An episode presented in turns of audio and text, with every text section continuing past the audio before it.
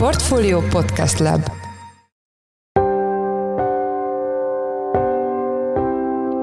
Mindenkit üdvözlünk, sziasztok! Ez a Checklist a Portfolio podcastje január 29-én hétfőn.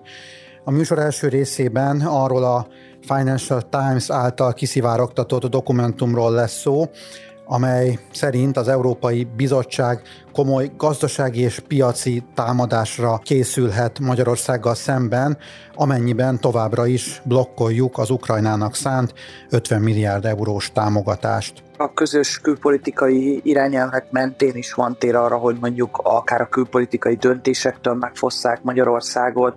Nagyon szélsőséges esetben, hogyha a három uniós nagy intézmény, tehát a parlament, a bizottság és a tanács többsége meg tud állapodni, akkor elméletileg lenne arra is lehetőség, hogy a soron következő Magyar Uniós elnökséget vagy kitöröljék, tehát más vegye át a helyünket, vagy akár arra is, hogy ezt elhalaszták, amíg ezeket a konfliktusos helyzeteket nem rendezik. Vendégünk Szabó Dániel, a Portfólió uniós ügyekkel foglalkozó elemzője. A második részben Bot Péter Ákos egyetemi tanár, a Magyar Nemzeti Bank korábbi elnöke lesz a vendégünk, vele azt elemeztük, hogy milyen hatással lehet a magyar gazdaságra, ha továbbra is alacsony hozzáadott értékű beruházásokat csábítunk ide, mint amilyenek az autóipari cégek, vagy akár az akkumulátorgyárak. Én Szász Péter vagyok, a Portfolio Podcast Lab szerkesztője, ez pedig a checklist január 29-én. Bombaként robbant éjjel a hír, hogy az Európai Bizottság komoly gazdasági és piaci támadásra készülhet Magyarországgal szemben, amennyiben a csütörtöki uniós csúcson Orbán Viktor nem szavazza meg az Ukrajnának szánt támogatást. Hogy ebből mi az igazság, arról Szabó Dánielt, a portfólió uniós ügyekkel foglalkozó elemzőjét kérdezzük, aki itt is van velünk a telefonban. Szia Dani, üdvözöllek a műsorban. Szia Peti, és köszöntöm a kedves hallgatókat. Ezt a felvételt kettő óra magasságában vesszük fel, amit azért tartok fontosnak elmondani, mert ebben az ügyben nem is óránként, hanem gyakorlatilag percenként változhatnak a dolgok.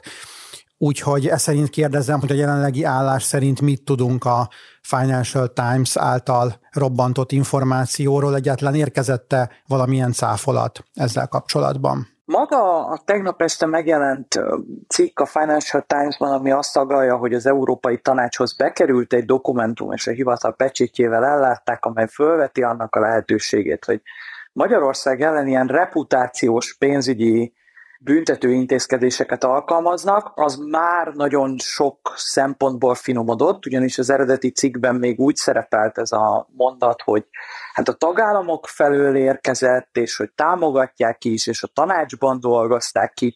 Aztán időközben már ez úgy módosult a tanács második kommunikációjában, hogy ezt egy tanácsi tisztviselő dolgozta ki, de nem egy intézkedés tervet vázol föl, hanem csak a, a helyzetnek a leírását vázolja, hogy jelenleg hol tartanak a Magyarországgal kapcsolatos különböző uniós eljárások és tanácsi viták. Közben pedig az Európai Bizottság jelezte, hogy ő nekik ehhez nincs semmiféle közük, ők nem tudnak róla semmit, és ők abban bíznak, hogy a február 1-i csütörtöki uniós csúcson egy kompromisszumos döntés fog születni arról, hogy mind a 27 tagállam, így Magyarország is támogatja a közös költségvetés felülvizsgálatát, amelyet szokás egybe kötni Ukrajna támogatásával is.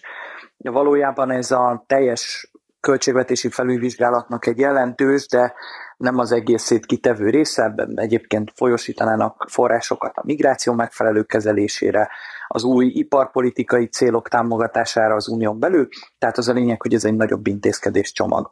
És ami érdekes, hogy nekem még kettőig, akikkel beszéltem, uniós diplomaták, akár a bizottság, akár a tanács, akár más tagállamok képviseleti oldaláról, az rajzolódott ki, hogy azért itt nincsen egy ilyen teljesen kőbevésett terv vagy intézkedés csomag, amit Magyarországgal szemben akarnának lefolytatni, hanem van egy ilyen ötlet, aminek van is támogatottsága, hogy egyáltalán kezelni kellene azt, hogy Magyarország számos uniós döntésben szembe megy a 26 tagállammal, és azoknak akár az egyenhangú akaratával is egyedüliként, és hogy ezt a helyzetet hogyan próbálják megkezelni. Ha már itt a forrásokról beszélünk, azokat a forrásokat, amelyeket most beígértek, hogy mégis folyósítják, azokat még visszavonhatják? Ugye erről már korábban itt a portfólión is több cikket írtunk, hogy erre van lehetősége eleve az Európai Bizottságnak, ugyanis ők azt vállalták, vagy azzal a feltétellel engedélyezték a horizontális feljogosító feltételek teljesítése után a magyar kifizetéseket, hogy az bármikor felülvizsgálhatják, hogy az ezt kielégítő igazságügyi reform megvalósítása milyen. És hogyha hibát látnak a rendszerben, akkor újra kilőhetik Magyarország számára az uniós források folyósítását. És ami még érdekes, hogy egyébként az Európai Unión belül az egész intézményrendszernél több olyan lehetőség és eljárás is van, ami akár a források felfüggesztésével járhat. Tehát az, hogy már indult egy kondicionalitási, vagy a köznyelven jogállamisági eljárásként ismert procedúra Magyarországgal szemben, úgy indulhat ez más területen is. Ugyanígy megállapíthatja azt az Európai Bizottság, hogy egy már lezárt horizontális feljogosító feltételekről szóló eljárás mellett indít egy másikat is, ami mondjuk más törvényekre vonatkozik, tehát itt adott esetben az igazságügyi reformját várták el, de mondjuk tapasztalhatják azt is, hogy a forráselosztási rendszerek, költségvetési struktúrák, vagy akármilyen bármilyen más magyarországi jogi keretrendszer nem felel meg mondjuk az uniós alapjogi kartának, vagy az alapvető számviteli szabályoknak, amely szerint az Európai Unió fizet. És ez a mostani javaslat, amely ugye jelzi, hogy a tanács oldaláról érkezne egy olyan ítélet, ami azt mutatja, hogy a tagállamok többsége tartja elképzelhetetlennek azt, hogy miután Magyarország akadályozza a közös döntéshozatalt, erre ők azt a szankciót várják el, hogy akkor valamilyen módon a magyar forrásokat felfüggeszék. Erre egyébként még ilyen jogilag ingoványos területekre lépve a közös kül- és biztonságpolitikáról szóló uniós irányelv is teremt lehetőséget. Tehát megvan a EBKB-n belül az a rendszer, ami azt mondja, hogy ha egy tagállam nagyon látványosan akadályozza a már meghozott közös külpolitikai döntések esetében az uniós álláspontnak a képviseletét vagy a végrehajtását, és ezzel bontja az egységet, akkor kezdeményezhető ellen eljárás. És ez ugye soha nem történt meg, van külön eljárás arra, hogyha valaki a szankciókat nem tartja be, van arra, hogyha ilyen közös politikai állásfoglalásokból énekel kifele, de hogy igazából ezeknél a következmények eldöntése az egy adhok rendelkezési jog az Európai Tanácsnak a kezében, ami ugye mindig egy ilyen veszélyes helyzetet teremt, ugyanis a 26 másik tagállamnak kellene egy egyöntetű javaslatban megállapodnia, ami azért mindig azt a kockázatot hordja magában, hogy vannak olyan országok, amiknek hasonló vitái vannak az uniós intézményrendszerrel, mint Magyarországnak, és hogy ezek a kormányok félnek, hogy egyszer ezeket az eszközöket ellenük vethetik be. Az, hogy az Európai Unió visszatart forrásokat, annak a következményeit azért könnyű belátni, viszont ebben a kiszivárgott dokumentumban voltak olyan utalások, hogy esetleg a forint árfolyamot tudja destabilizálni az Európai Unió, vagy más módon tud ártani a magyar gazdaságnak. A forrásokon kívül, amiket eddig részletesen elmondtál, milyen eszközei lehetnek az Európai Uniónak elvileg, hogy Magyarországot megtörje? Hát, mint említettem, ugye tényleg a közös külpolitikai irányelvek mentén is van tér arra, hogy mondjuk akár a külpolitikai döntésektől megfosszák Magyarországot, nagyon szélsőséges esetben, hogyha a három uniós nagy intézmény, tehát a parlament, a bizottság és a tanács többsége meg tud állapodni, akkor elméletileg lenne arra is lehetőség, hogy a soron következő Magyar Uniós elnökséget vagy kitöröljék, tehát más vegye át a helyünket, vagy akár arra is, hogy ezt elhalaszták, amíg ezeket a konfliktusos helyzeteket nem rendezik. Vannak olyan jogi lehetőségek is az Európai Bizottság vagy az egész uniós intézményrendszer kezében, mint például a jól ismert kötelezettségszegési eljárás, amely akár pénzügyi korrekciót is kiróhat Magyarországra, ami ugye azt jelenti, hogy nem a kifizetendő forrásokból vonják le, hanem a már kifizetett források esetében követelnek visszatérítéseket. De ugyanígy, hogyha a hetes cikk szerinti eljárást vinné tovább a, az Európai Bizottság, vagy akár az Európai Tanács, akkor ott a magyar tanácson belüli szavazati jog felfüggesztése is napirendre kerülhet. Én azt szeretném hangsúlyozni, hogy Valószínűleg egy olyan szokásos brüsszeli forgatókönyvet látunk, amire azért az elmúlt időszakban többször is volt példa, hogy egy nagyon látványos figyelmeztető lövést leadnak a magyar kormányra, bízva abban, hogy akkor a tárgyaló asztalnál is kompromisszum készebb lesz Magyarország, mint hogy ebben egyébként egy ilyen valós és teljesen kidolgozott, napra pontosan megálmodott jogi eljárásrend lenne, amit aztán ténylegesen is alkalmaznak Magyarországgal szemben. Az viszont a piacoknak már most árulkodó lehet, hogy tényleg van egy nagyon nagy törés a magyar kormány és az Európai Unió különböző szervei között, valamint akár a tagállamok és Magyarország között is, ami nem feltétlenül árulkodik arról, hogy mondjuk egy magyarországi befektetés biztonságban lenne, mert sorra születhetnének olyan tüntések, amelyek akár a magyar támogatásokat, akár különböző magyar jogi eljárásoknak a megváltoztatását írják majd elő, a törvénykezési gyakorlat átszabását kérik, ami mind-mind az eddigi tapasztalatok alapján egy elhúzódó vitához vezethet. És azt mutatja, hogy egyébként egy ilyen üzenetnek is, ami mondjuk egy kiszivárogtatás formájában a piacok tudomására jut, azért a piacok sokat bele tudnak látni, tehát reggel óta a nyitó árfolyamhoz képest tulajdonképpen már két és fél forinttal drágább az euró, tehát a magyar valuta jelentősen gyengülni tudott, mert mutatja azt, hogy egy uniós tagállam esetében az, hogy egy befektetés, vagy akár az egész politikai környezet mennyire jelent biztonságos helyet, azt erősen befolyásolja az, hogy ezzel az uniós intézményrendszerrel milyen kapcsolatban is van ez a kormány, és egy negatívabb helyzet felállás az elveszi a befektetői bizalmat. Akkor ha jól értem, azért ennek van egy erőteljes politikai vetülete is, mondhatjuk ezt is, hogy a tárgyalási folyamat része ez a akár szándékosan, akár véletlenül kiszivárgott dokumentum, viszont ha már politika, akkor lehet -e ennek valami köze ahhoz, hogy Magyarország nem csak az Európai Unióval, hanem most a NATO-val is valamelyest összerúgta a port, hiszen gátolja egy új tag felvételét. Szerinted lehet bármiféle politikai kapcsolat a két eset között? De ez egy híres, vagy egy ilyen sokat emlegetett brüsszeli mondás, hogy a, általában a szakértők szava dönt, csak a végén a politika ezt megmásítja, hogy biztosan lehet ennek egy ilyen vetülete is, amiben akár az ilyen különböző magyar különutasságok a külpolitikában hatással lehetnek az ilyen vitákra is. Ugye az Európai Unión belülről is többször érkezett olyan kérés a magyar kormány fele, hogy lépjen tovább a svéd NATO ratifikáció ügyében, de ugyanígy például az ukrán támogatások esetében is nagyon sok tárgyalást folytattak. Itt valószínűleg egyébként inkább arról van szó, hogy az Európai Tanács egy néha tetszhalott állapotba kerül, amiatt, hogy Magyarország akár egyedüli tagállamként, akár másokat maga mellé állítva, amiről nyilvánosságban annyit nem beszélünk, de megfúr bizonyos lépéseket, amelyekről azt gondolja az Európai Bizottság, vagy akár maga a többi tagállam is, főként a nagyobb politikai befolyással bíró tagállamok, hogy ezek nagyon fontosak lennének a, az unió döntéshozatalának előre mozdításában, vagy egy közös uniós fellépésben. És sokkal inkább azt tűnik valószínűnek, hogy ezek az elhúzódó uniós viták, amelyek Magyarországgal szemben vannak, ezek lehetnek inkább azok, amik most egy, akár egy, csak egy nyilatkozat formájában leadott figyelmeztetőlövésig, vagyis később lefolytatott eljárásig jutottak. Tehát inkább az tűnik valószínűnek, hogy, hogy ezek valószínűleg az unió házon belüli vitái, a magyar kormányjal szemben, és nem pedig a más külpolitikai környezethez kötődő dolgok. Viszont amikor meg politikusok ülnek ezekben a termekben, azok könnyen tudnak érvelni amellett, hogy Magyarország mondjuk nem csak az Európai Tanácsban nem konstruktív résztvevő, hanem a NATO-ban is egyedüliként képes akadályozni bizonyos döntéseket vagy ratifikációs folyamatokat. Értem, köszönöm szépen. Az elmúlt percekben Szabó Dániellel a Portfólió Uniós ügyekkel foglalkozó elemzőjével beszélgettünk. Köszönjük, hogy a rendelkezésünkre álltál. Köszönöm a lehetőséget.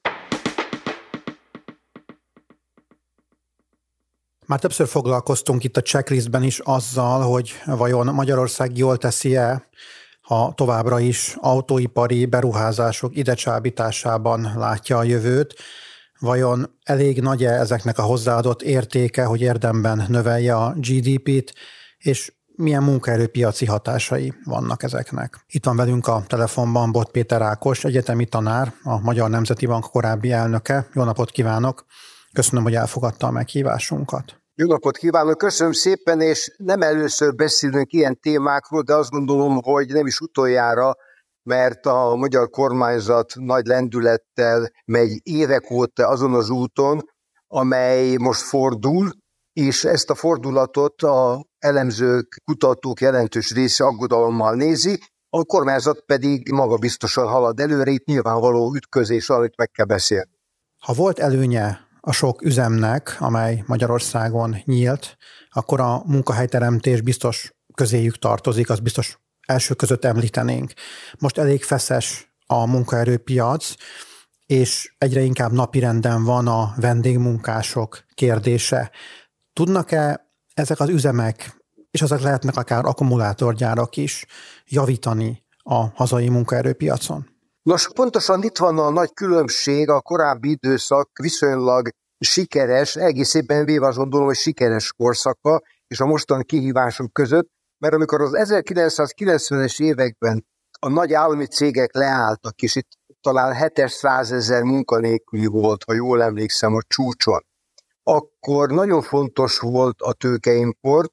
Nagyjából szinte mindegy volt, hogy mi jön be, de egyébként szerencsére minőségi beruházók jöttek, hát az autóipar akkor kapott lendületet, és mint új iparág jelent meg, és persze először csak összeszerelő, tehát hozzáadott értéket tekintve alsó közepes tartomány, és utána eltelik 5-10-15, néha 20 év, amikor a tervezés, anyagvizsgálat, a billing számlázás és olyan egyéb tevékenységek is ide költöznek, amelyeknek nagyobb hozadott értéke. De az biztos, hogy jelentős mértékben felszívta az ipari munkanélküliséget, és azok a városok, ahol ezek a cégek megtelepettek, Székesfehérvár, Győr, Tatabánya, ugye ezeket lehetne emlegetni, azok lendületet vettek. De most 2022, 23, 24, 25 fordulóján, mert itt fordulnak a trendek, ez a stratégia nem fog tudni úgy működni,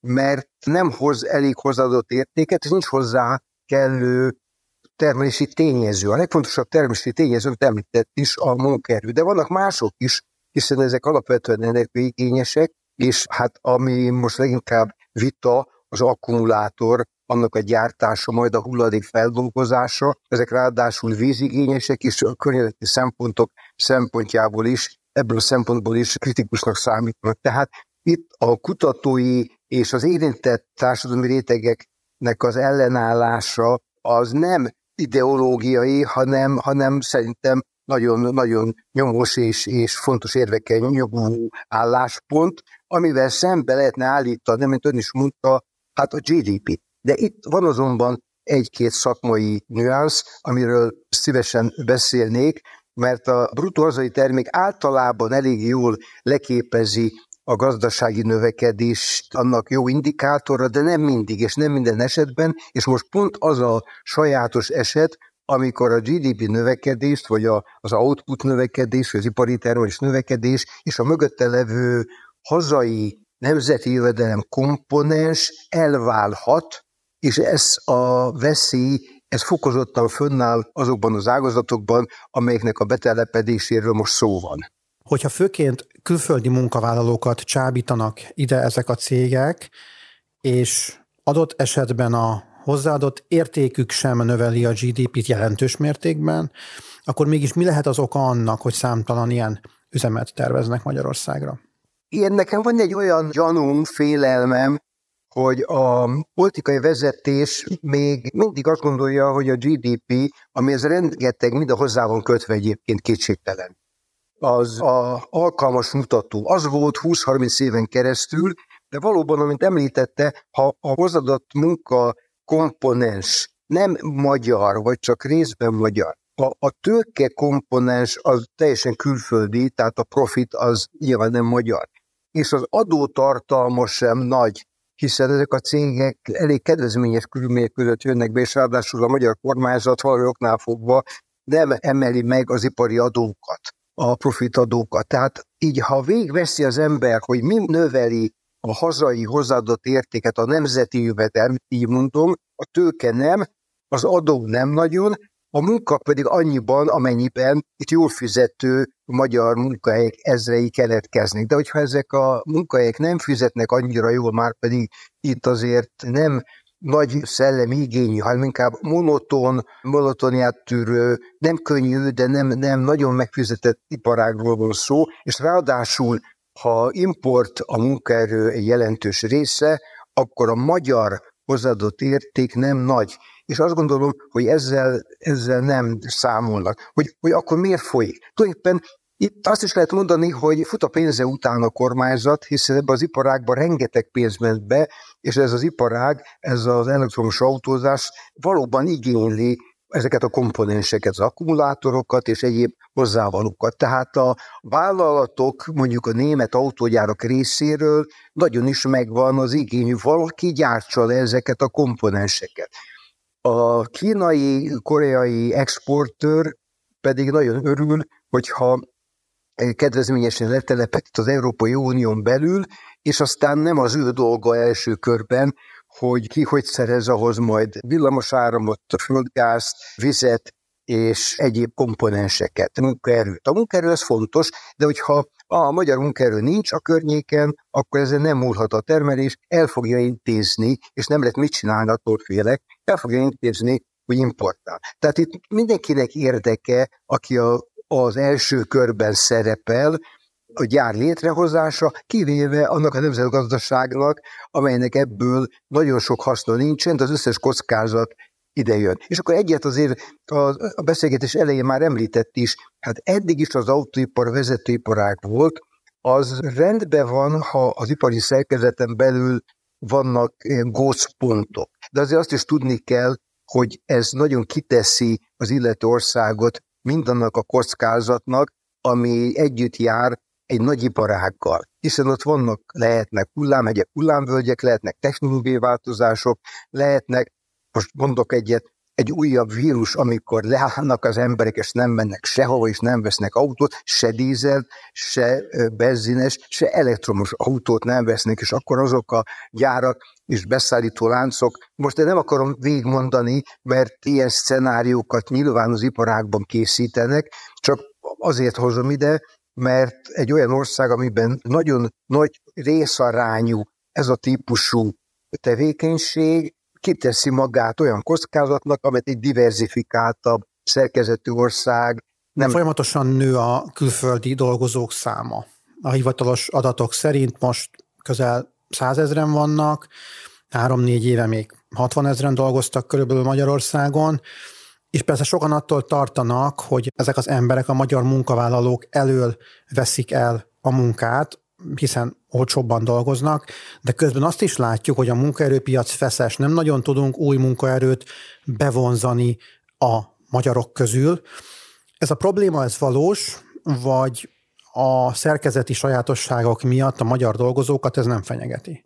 A munkahogyi szakértők azt mondják, hogy itt olyan típusú kiszorítás nem nagyon valószínű, hogy gyárban magyar munkaerő van ezrével, de utána lecserélik az olcsó bírő mondjuk Ázsiára, Vietnámira, Kínaira, vagy, vagy Malájra, vagy hasonlóra, mert inkább az valószínű, hogy az a munkahely, amire jelentkezik ez az import, mondjuk egy vendégmunkás, az nem nagyon vonzó Magyarországon, illetve olyan gyárakról van szó, amelyek egy pontszerű beruházásként nagyon nagy munkaerőt igényelnek egy adott helyen. Tehát ha mondjuk van egy 9000 munkás foglalkoztató debreceni gyár, akkor a Debrecen környékén elég valószínűtlen, hogy össze lehetne szedni 8-9 ezer munkavállalót, alkalmas munkavállalót erre a célra, tehát valóban az lesz, hogy nem kiszorítja, hanem mellé telepszik, de idő múlva, és itt azért jönnek a problémák,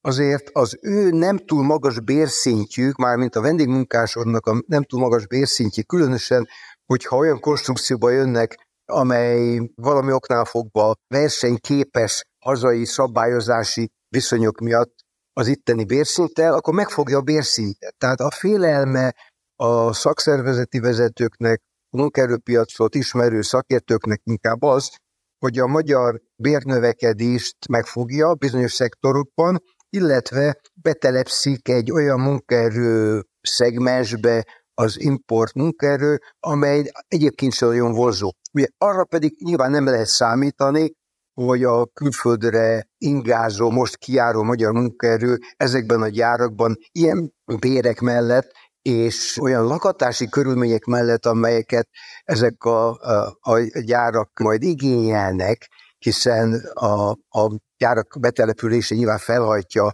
a lakbéreket az adott városokban, hogy ezek a, a külföldre ingázók, kitelepülők visszatelepedjenek. Úgyhogy ezért azt gondolom, hogy a magyar munkaerő helyzet szempontjából egyáltalán nem perspektívikus az az út, hogy ebbe a iparágba több ezer, esetleg tízezer munkahely szülessen, ez nem fog segíteni a magyar foglalkoztatásra. A magyar munkanélküliek, vagy pedig a időnként foglalkoztatottak, a peremhelyzetben levők számára a kis és közepes magyar cégek inkább tudnának munkahelyet teremteni, mint ezek a, a szinte 19. századi szervezettségű, nagyipari tömeggyártásra beálló, igen feszes, azt lehet mondani katonás kapacitások, ezek nem lesznek vonzóak a magyar fiatalok számára egyáltalán.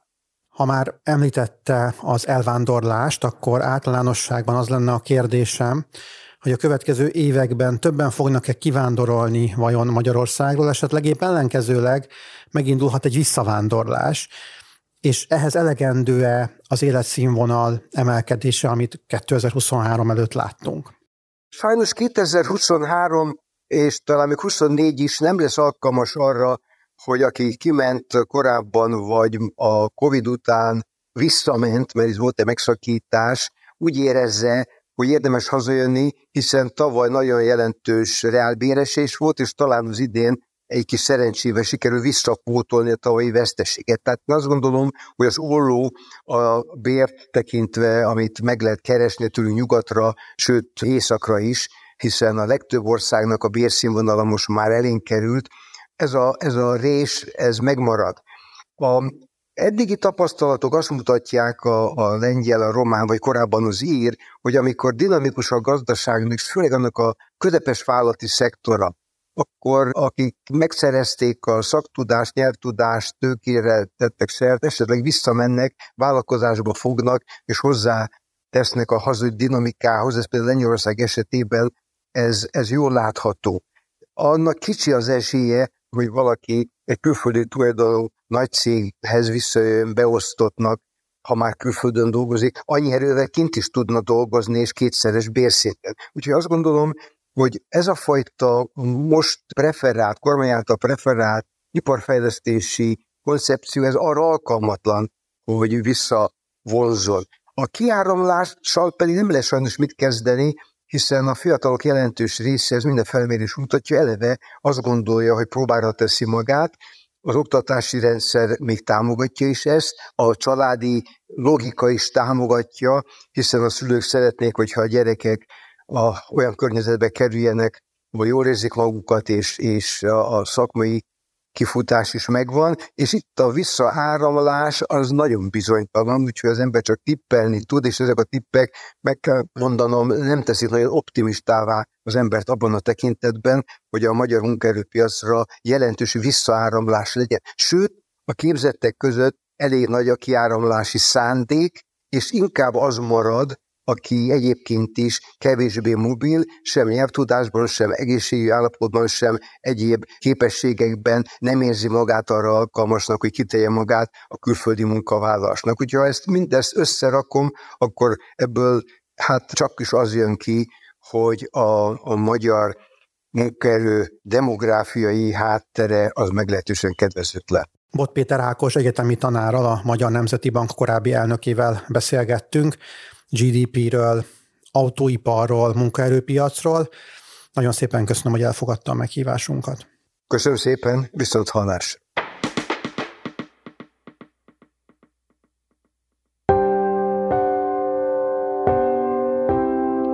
Ez volt már a Checklist, a Portfólió munkanapokon megjelenő podcastje. Ha tetszett a műsor és még nem tetted volna, iratkozz fel a Portfólió Checklist podcast csatornájára, valamelyik nagyobb platformon, ahol jellemzően podcastokat hallgatsz. Ha segítenél nekünk abban, hogy minél több hallgatóhoz eljussunk, akkor értékelj minket azon a platformon, ahol ezt a mai adást is meghallgattad. A műsor elkészítésében részt vett Bánhidi Bálint, szerkesztőjén voltam Szász Péter, új műsorral kedden jelentkezünk. Addig is minden jót, sziasztok!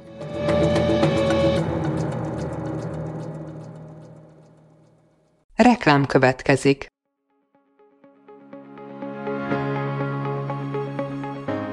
Raúl Müller Lajos vagyok, az Agrárszektor főszerkesztője. Májusban két tematikus konferenciát is rendezünk Kecskeméten az agrofood szektor szereplőinek. A május 22-én tartandó Portfolio Agrofood 2024 konferencia az élelmiszeripari vállalkozások, beszállítóik, a szolgáltató cégek és a kereskedők számára nyújt egyedi betekintést az aktuális trendekbe. A május 23-án megrendezendő Agrofuture konferencia pedig egyedülálló módon tematikus formában foglalja össze a hazai agrárgazdaság fenntarthatósági követelményeit és innovációs lehetőségeit. Jöjjön elő is, részletek és jegyek a portfolio.hu per rendezvények oldalon.